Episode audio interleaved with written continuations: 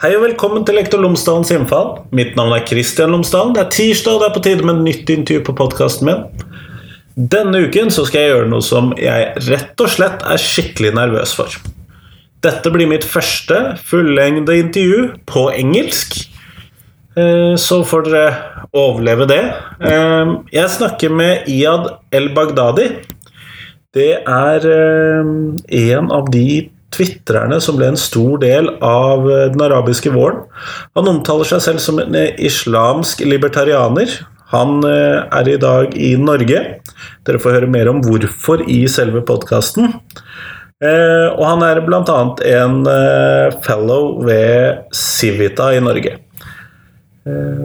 Han har en komplisert historie, og han har et interessant syn på fremtiden for islamsk reform, bl.a., som er en av de temaene som vi tar opp sammen når vi prater.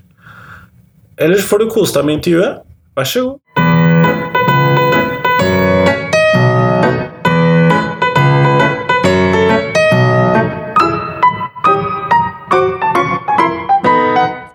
Thank you for letting me talk to you today, Iyad. Uh, thank you so much. Uh, before we uh, really start, who are you and why are you here at Civita? Oh, uh, well, the, the who are you is a little difficult because I once gave, uh, you know, people, the first, peop first question people ask you often is where are you from? And I once gave a 15 minute speech just to answer that question because it's so complex. Uh, so I'm uh, I, I I refer to myself as an Islamic libertarian Arab Spring activist, which was quite a bit to unpack. Uh, I uh, I lived my entire life in the United Arab Emirates, um, and I was uh, I became very prominent on Twitter. I became very influential around the same time that the UAE government was basically uh, funding all of those anti-Arab Spring movements. and you were pro the Arab Yes, Spring. yeah. I mean, uh, it's always dangerous to become um, very prominent in in promoting democracy in a government that in in a, in a country where the government is going against democracy, uh, especially when you're a stateless refugee. So it was quite uh, reckless, I can say, on my behalf, but uh, uh, I did what I believed in. Eventually, I was jailed and expelled. Uh, being stateless when you know expelling mean means sending you back to your country. And you were but born i in had the no country. I was born i was born uh, i was i say that i'm made in the uae because uh, i was made in the uae but delivered in kuwait Oh, uh, th- that makes it complicated. yeah because you know uh, this was 1977 the uae was a poor country. Uh, i mean it was it was a newly rich country you can say. It didn't have really a lot of uh, medical infrastructure. So when it came to giving birth my mom traveled to kuwait um, but yeah i was made in the uae So I can already now hear the complications and why Yes. you needed a 15 minute talk to Yes, I mean especially that uh, my my father. uh, We actually had Egyptian travel documents because my father's family, uh, originally from Palestine. Um, so my father was born in Palestine, but he grew up in Egypt uh, because they became refugees. They went to Egypt, um, and uh, and so uh, we had Egyptian travel documents, Egyptian documents for for Palestinian refugees. Um, but then we were not citizens of Egypt. No. Uh, and as I said, I lived my entire life in the United Arab Emirates. Uh, our surname is Baghdadi, which means that at some point my ancestors must have come from Baghdad. Uh, my mom is Jordanian. She was born in Damascus. Um, so there you have like all of this this entire mix. So when people You're Middle Eastern. Middle Eastern exactly, I'm a Middle Eastern mutt. Well, uh, it was complicated. Uh, I do understand that. Uh, and you say that you were an activist during the Arab Spring. How did that um, happen? Well, the Arab Spring really was a protest movement that started in 2011 on the backdrop of um, uh, a lot of yeah, there, there were many uh, trends that led to it before the, before 2011 but i think 2011 it was a boiling over of uh, anger at governments and i think what was really interesting here is that for for a very long time uh, Arab governments had been promoting anti-Western sentiment as uh, as a, as a as an avenue. Whenever people get angry, they say, "Don't get angry at us. Get angry at the West." Uh, it's easy when you have an external enemy. Exactly, and they're really good at creating both internal and external enemies. Uh, you know, dictators are really really skilled at that, divide and conquer. Uh, what was significant in 2011 is that for the first time, or you know, uh, for the, for the first time in a while, uh, Arabs pointed their anger at their own governments, and they said, "No, you are the first enemy." The first enemy is the dictators, not you know, not not whoever occupies you or whoever you know, whatever it is.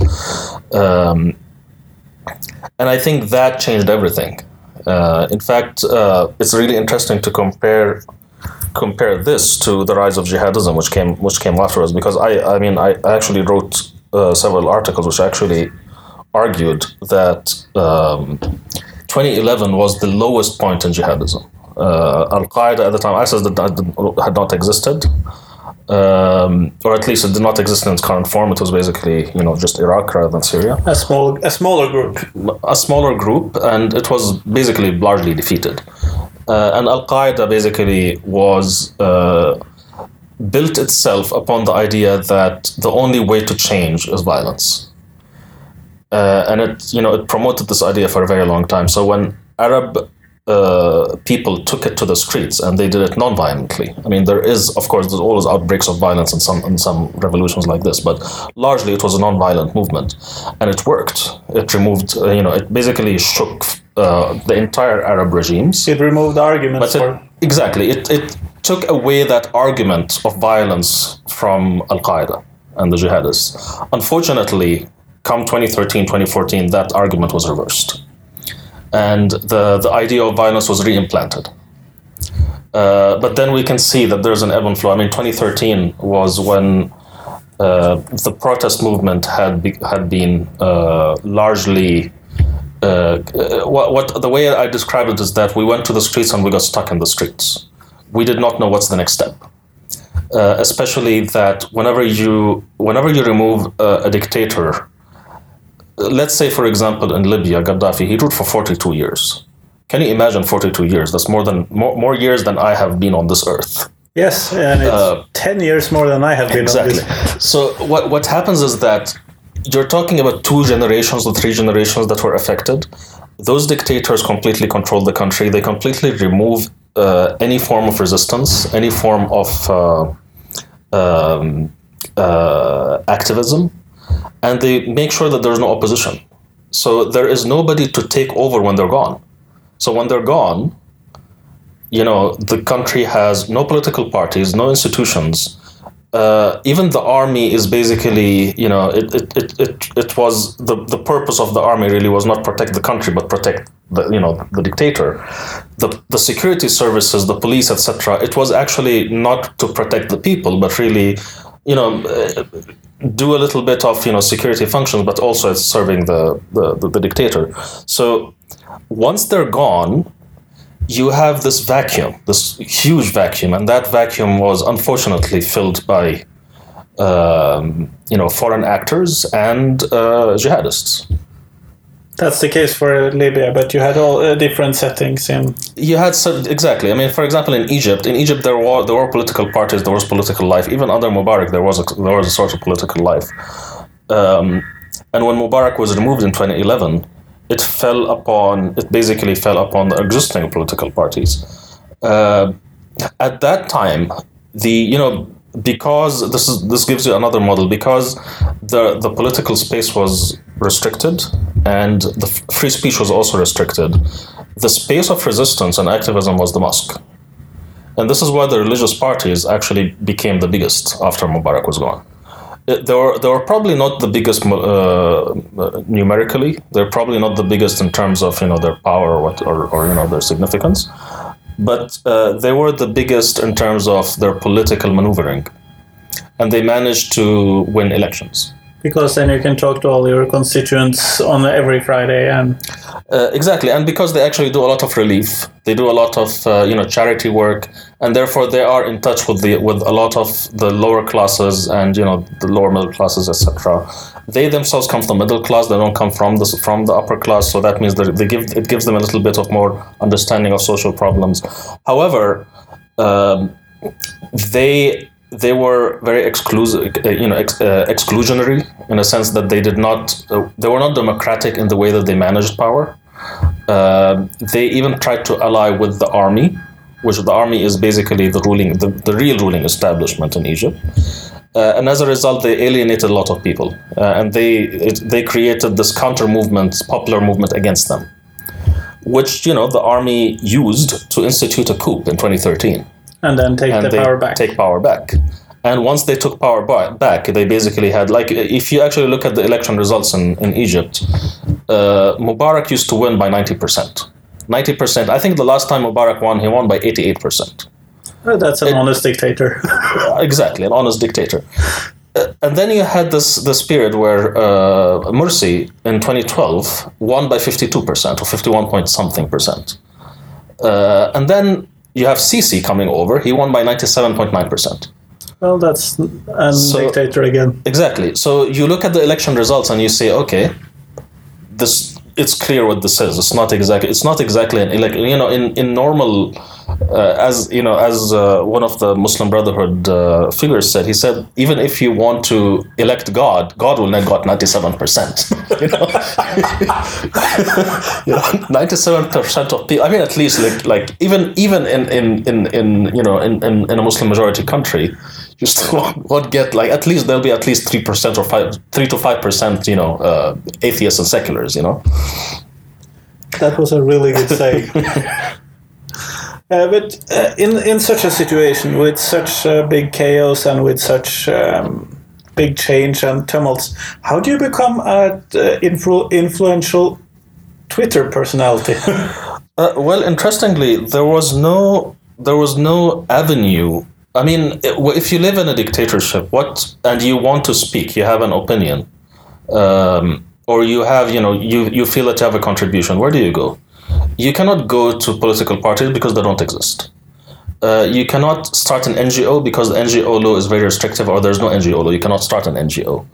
Uh, you cannot write a book because there's no free speech. You cannot become, you know, a journalist because, you know, again, there's no free speech. they are killed. Exactly. So the only space available to us, and you cannot go to the street because I, I lived in the United Arab Emirates and it does not does not tolerate any kind of street activism. Um, um, and as a result, the only space available was the online space. Uh, one thing that happened after 2011 is that you had this flowering of this public sphere, the other public sphere, because you know normally when we talk about public sphere in a in an open society, we're talking about big media, newspapers, and actual physical spaces where people come together and exchange opinions. These spaces don't exist, so the, the internet became the public sphere. Now, in 2013, after the coup in Egypt, uh, basically there was two events in, in one month, in August, that turned the tide completely, and they're basically because they were very bloody. The first was the Rabaa massacre in Egypt when uh, uh, Egypt's mili- military regime at the time uh, tried to stop all street activism by the Muslim Brotherhood that has been removed from power, and they killed a thousand people in, in one day. Uh, which uh, you know, the only way to call this is a massacre. Uh, within, I think, two weeks or maybe ten days from that, you had the Ghouta massacre, where Assad used chemical weapons on his own people again killing around uh, killing around a thousand people in you know Again, a hours. massacre. exactly and that's when we realized that the tide is turning and that's when we realized that the jihadists are going to be the best poised right now because once it becomes violence they really know how to do violence And they then they have their arguments back. exactly and that's when they, they win the argument in a sense then they say you, you guys think that non-violence works here this is what they're going to give you they're going to give you massive violence um, but that, that that's basically what turned the tide, and that's when those governments started to go uh, to become very explicit in their policy. Because before they used to cover it up, then they, they didn't need to cover it up anymore, and they started to close down the public space. One way to go down to to to you know when you have this, they cannot really block the internet or cut, you know, block Twitter because Twitter is still very important, a very important app. It will not look good, and also there'll be some economic cost when they if they go after the internet. Uh, and they care about international legitimacy. So the way to do this is keep the content, but look for the content creator and target him. And that's that's where they started to go after people who post on Twitter, and that's in within that context uh, I was imprisoned and ex- expelled. Um, and you know they that's how they shut down the public space in the country. Because you cannot take the content, so you take the. Exactly. Well, at least it's a sound strategy.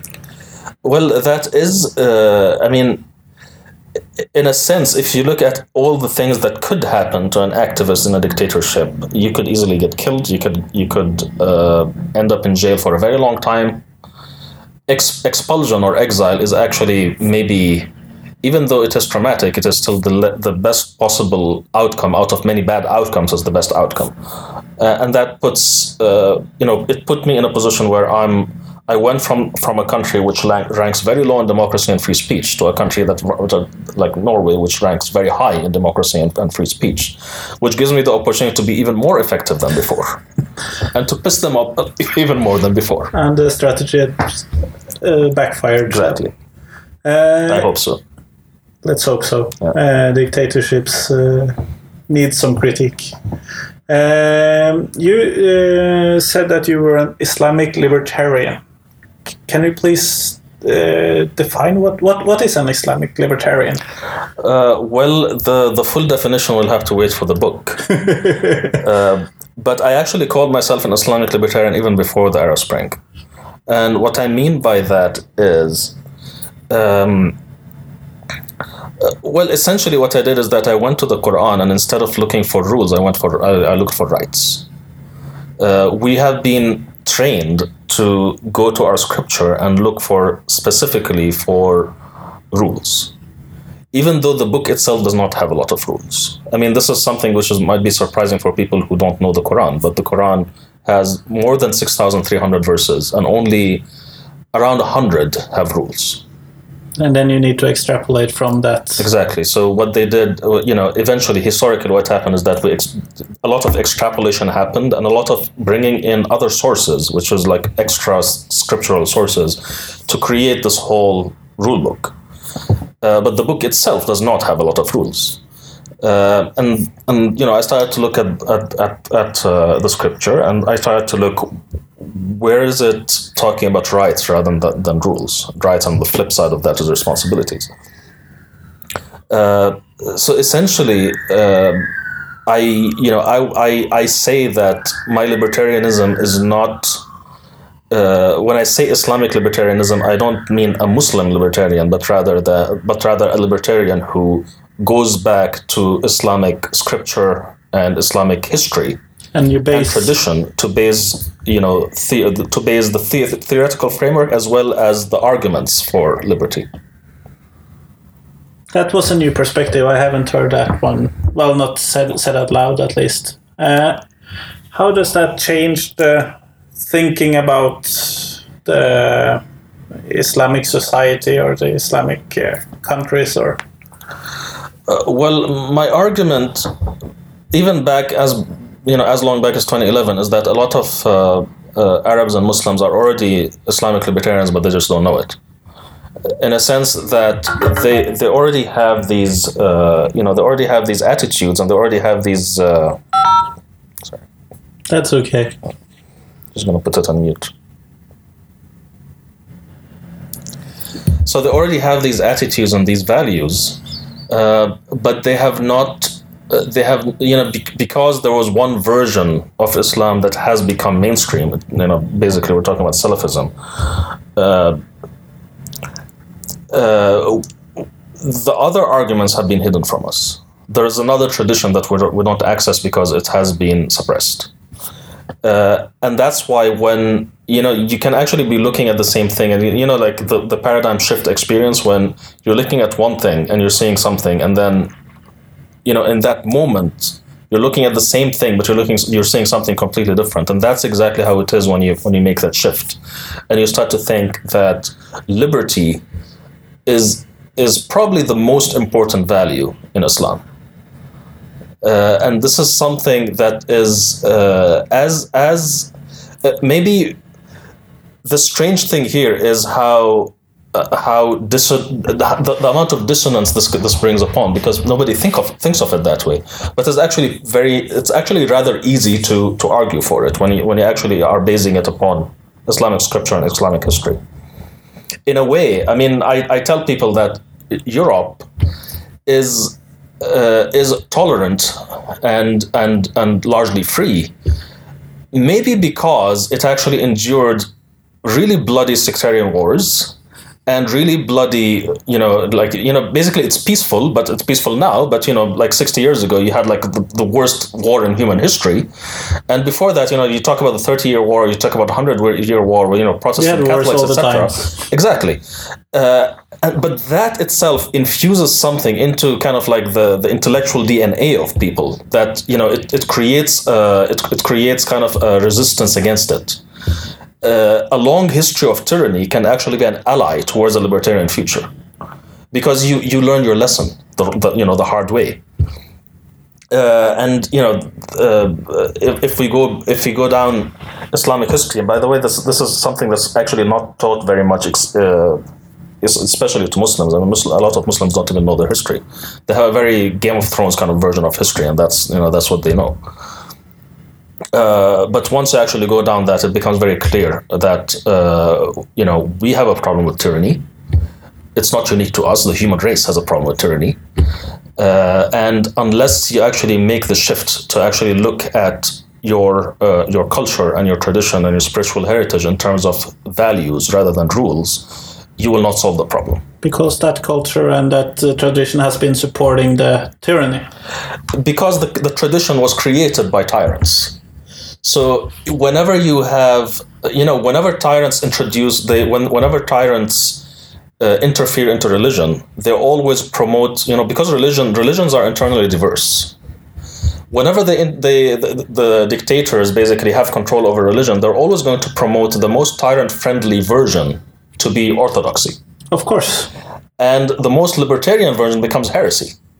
And over time, that becomes religion, and everything else becomes, you know, like this is like you know, uh, her- her- uh, you know, heretic thoughts or you know, uh, completely suppressed. So it's no, it's you know, when we're talking about an orthodoxy, of course, the orthodoxy, politically speaking, is going to be pro-authoritarian. Uh, and this is a problem again that goes down. I mean, this this is basically an, my, my area of research. So it actually goes back to, you know, over a thousand years to, since the beginning of the Islamic era. Uh, and now you're working as a fellow here at Civita in Norway. Uh, what do you work on here? Because that is probably connected to. Yeah, I mean, I'm uh, I I was invited uh, to become a fellow at Civita. I have an office here. Of course, I, I mean, I uh, formally I don't work for Civita. Uh, I work with Civita in a sense that I have uh, access to the office and access to the resources and to the wonderful network of individuals who work here. You know, amazing colleagues. Um, I'm working on a project called Islam and Liberty, which basically is a uh, uh, a content project uh, which aims to uh, discover and promote uh, what what we call a human rights centric or a liberty cen- centered Islamic tradition. Uh, it is our um, assessment that the lack of a liberal Islamic tradition or a libertarian Islamic tradition uh, is a major global problem. And it's a major it's a major global problem not just international you know not, not just for muslims but you know globally speaking. And this is something of course that is beyond uh, the scope of a single person or a single organization or even a single generation. Uh, it's basically a Of course, it takes struggle. time. yeah. And but we hope to make our mark and you know make an important contribution so you are writing a book, or Well, the format of the of the project is that there's a lot of content and there are several ways to you know put it out. So there is a book planned.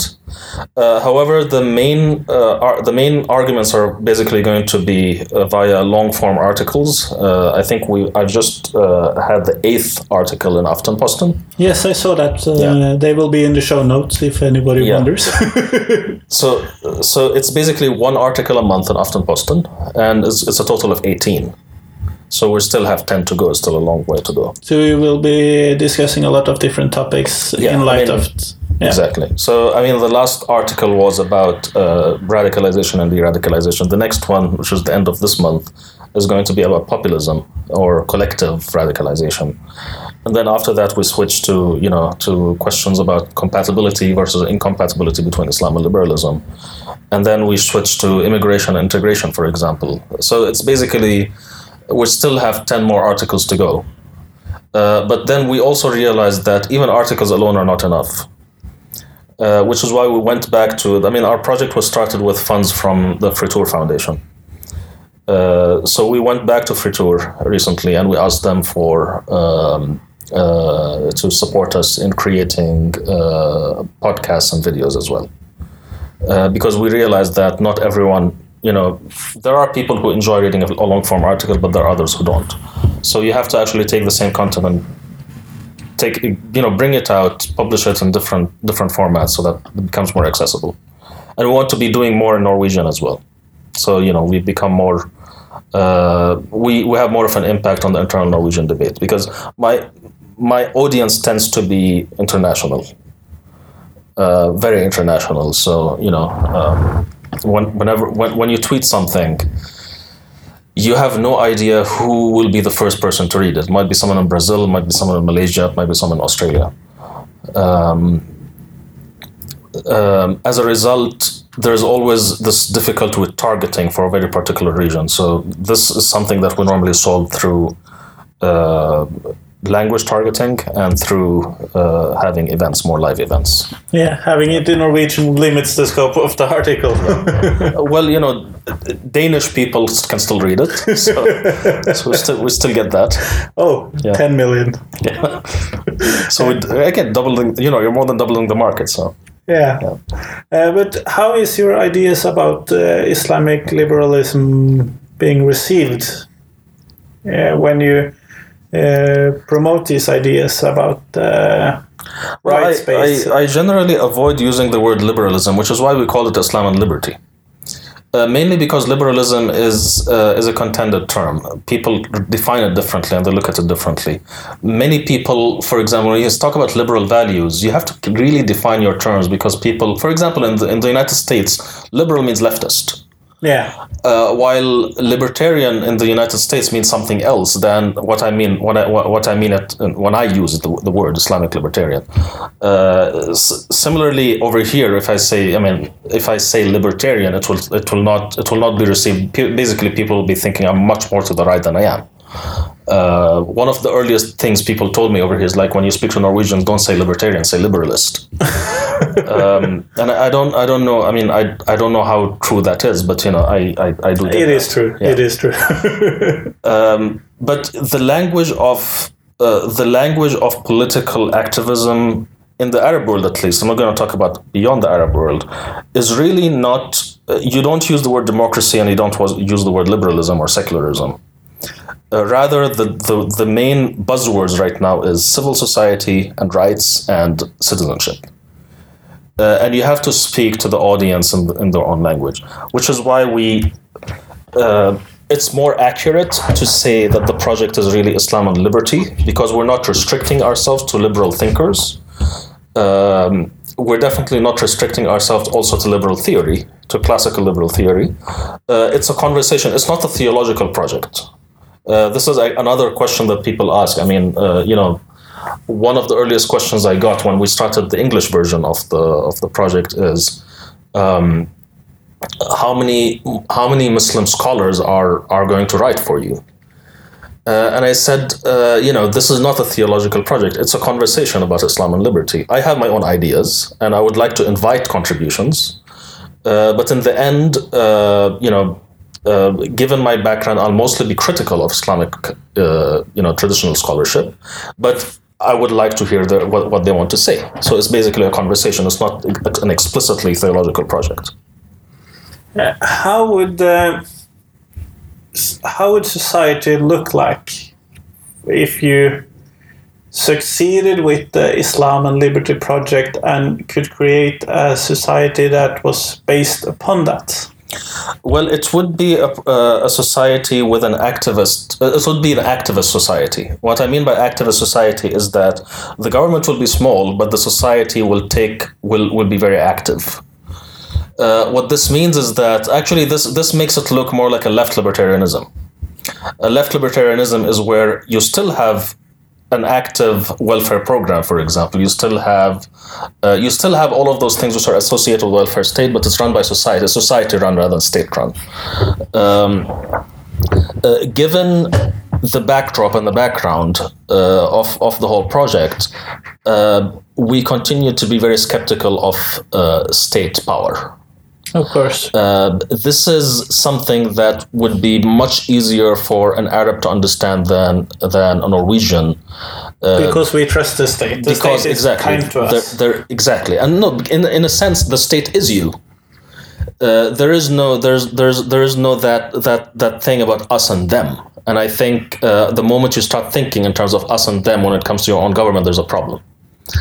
Um, but yeah, it would be it it, it would be uh, that kind of vision. But of course, we're also kind of developing one of the one of the things that we're trying to do with the project uh, is is trying to look ahead and look how technology, uh, technological innovations, and how the world order, the changes in the world order itself, with the you know entering a new phase of globalization and integration, uh, how that will invalidate a lot of our uh, current models. And I'm talking about you know the nation state itself, and how we might might be moving towards uh, a world in which we have more local efficiencies, more direct, more direct rule, more direct, more direct democracy but at the same time also more uh, less uh, national uh, consolidation and more city to city kind of integration. I mean, I know it's a little a little complex, but I think uh, it's it's it's about time we start looking what's going to come next. And we have, you know, it's not enough for us to think what's what will work now. We'll have to think, you know, twenty or thirty or fifty years in the future. Uh, one of the problems, as I see it, uh, with Islamic world, if I can use that term, is the lack of democratization when it comes to the access to the holy scriptures. Mm. Because when you have uh, the imams or uh, tyrants or the religious leaders or the political leaders using a book very few can access as the reason for their being, mm. it is very difficult to argue against it. Yeah, the interesting thing is that the Quran is very anti-clerical. The Quran itself does, you know, the, and this is something that actually, you know, Muslims have been telling themselves for a long time, which is not completely true, which is that there's no clericalism in Islam. It's true that Islam does not really produce, uh, Islam is, was anti-clerical, uh, but we ended up having a clerical establishment, and that clerical establishment started to create itself, put itself as kind of a mediator, um, not a spiritual mediator, but at least a mediator when it comes to accessing the scripture, as you as as you as you said. Uh, the Quran itself says, or at least it it it uh, it uh, um, it presents itself as a book which is accessible to anyone. Uh, and in fact, uh, knowledge, direct knowledge of the Quran is encouraged. However, there's two problems here. The first is that the, the first is a, is, is a simpler problem, which is that most Muslims are not Arab. Uh, Arabs can access the Quran directly because you know it's written in their language, even though it is still you know it's basically 1,500 years ago, and so the language itself is a little different, but it's still accessible. You can still read it. It's archaic, but it's Exactly. It's kind of like reading, you know, an English person reading Shakespeare, for example. Um, uh, but yeah, I mean, it's it's still accessible. It's still possible for a person to a person to go directly to the Quran and say, "I, you know, this this," uh, and basically correct someone who's telling him that's not that's not true. Uh, but that's the simpler problem. I mean, because you know, if you don't know Arabic, you can learn Arabic. The more serious problem is even when it comes to the direct directly accessing the, the, the Arabic language of the Quran, there is a layer of interpretation uh, which is always problematic because you might say, "Hey, this looks simple. This looks simple. It looks like, for example, uh, like like people people." Uh, uh, can uh, I, I'll, I'll give you an example. When uh, when ISIS went ahead and captured some soldiers and then killed them, uh, ISIS came up and, and said that we did it for Islamic reasons, and they gave their own you know their own interpretations. Uh, but then some people went directly to the Quran and like you know forget your interpretation. The Quran directly says that you have to be kind to prisoners. Uh, so there is this layer of interpretation. You see that people can go access access it directly and say, "Listen, this is it." But then a scholar can come like, "No, you are misinterpreting that, and you are you are um, um, you are ignoring, for example, the fact that this verse had a very specific meaning." And you know they, they can always tell you, okay, uh, there's another hadith that comes along that actually changes the meaning, etc. Um, so that's a second problem. That's a problem. Of, that's an interpretative problem. Um, I, for one, do not believe that. I mean, for for epistemic reasons, the Quran really is the most authentic of all Islamic sources. Uh, all sources that come, uh, you know, the Hadith, for example, or the the histories, etc., are of less authenticity. So we have to always go to the Quran first. My methodology is Quran first. But however, um, Muslim scholarship will always tell you that the Quran is first, but when it comes to practical terms, it's actually second or third or fourth. Because you lack the rules. Be- because normally they would go to secondary sources like the Hadith, and they say that this Hadith interprets the Quran, when the Quran can be actually very explicit. But you know, they that's that has been the traditional method. Um, this Uh, this is this is actually something which is not. Uh, I, I I wish it was more appreciated, but the Quran is actually a far more liberal document than the Hadith. Because the hadith came later The Hadith were documented around 150. The documentation movement started 100 years after the Prophet's death. Um, and the big canons of Hadith, which is like the Bukhari and Muslim, the big uh, collections of Hadith, were collected um, 200 years after you know after the, the rise of Islam, and those 200 years were not innocent. Those 200 years were very turbulent politically. So a lot of basically a lot of things happened. A lot of uh, um, a lot of civil wars and a lot of upheaval happened during those 200 years, which actually makes you doubt, uh, which makes you you know it forces you to think critically about the Hadith versus the Quran. and that probably changes some of the power dynamics between the uh, clerical persons and the normal Exactly. So when you have, you know, interpretation itself is a major source of power. When you have the power to interpret, you really have the power to decide what is and what isn't. Uh, one thing is is that in recent, uh, uh, um, uh, uh, it, it'll be really interesting to see what Islam looks after ISIS, because we know right now that ISIS caliphate is going is coming to an end. But then the Islamic world itself, the ideological scene is changing very much. Uh, so this uh, this attitude, uh, this this you know this attitude of authenticity and orthodoxy uh, is really being challenged very much, uh, very severely, and it'll be very interesting to see what's going to happen. We are witnessing. Um, uh, I don't want to say destruction, but rather the, a loss of legitimacy of Islamic classical scholarship, or at least traditional scholarship, mainly because they were not. Um, um, I would say the, uh, there are many reasons really, but I think one of the main reasons is that they have uh, uh, traditionally, and especially in modern, you know, in modern times, have been they have been very pro governments, and uh, if there is one thing that delegitimizes uh, a religious establishment is when it stands with tyranny, and I think we have the history of Europe to, you know, to educate us on that. Yeah, absolutely. To end the podcast, I'll just ask you a final question, and that is where do you see your project, the Islam and Liberty project, in five or ten years? Uh, well, wh- what uh, what we really need, what we really want to do is uh, expand it when it comes to the number of languages and the number of media. So we're, you know, the model that we're actually looking at is we want to, to we want to be in multiple languages. Uh, we want to be able to have uh, teams in different languages fully trained to be able to actually follow the you know if, if, if for example if we do a somali version a somali language version or a uh, you know a kurdish language version um, you know, uh, we want the team to own it as well. Uh, we also want to be in a lot more media, which means that we want to do a lot more video, a lot, of, a lot more podcasting, and of course, a lot more books. Uh, eventually, I think we want to turn this into a movement and not just a uh, uh, you know uh, a content um, you know content engine, you can say, which means that we want to be able to we, we actually want to meet a lot of people. You know, in, in sales they call us, you know, pushing flesh, uh, and you know, and that's kind of the way that you have to think in terms of uh, being an ideological advocate.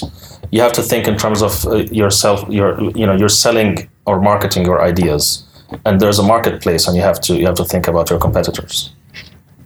Sounds very good.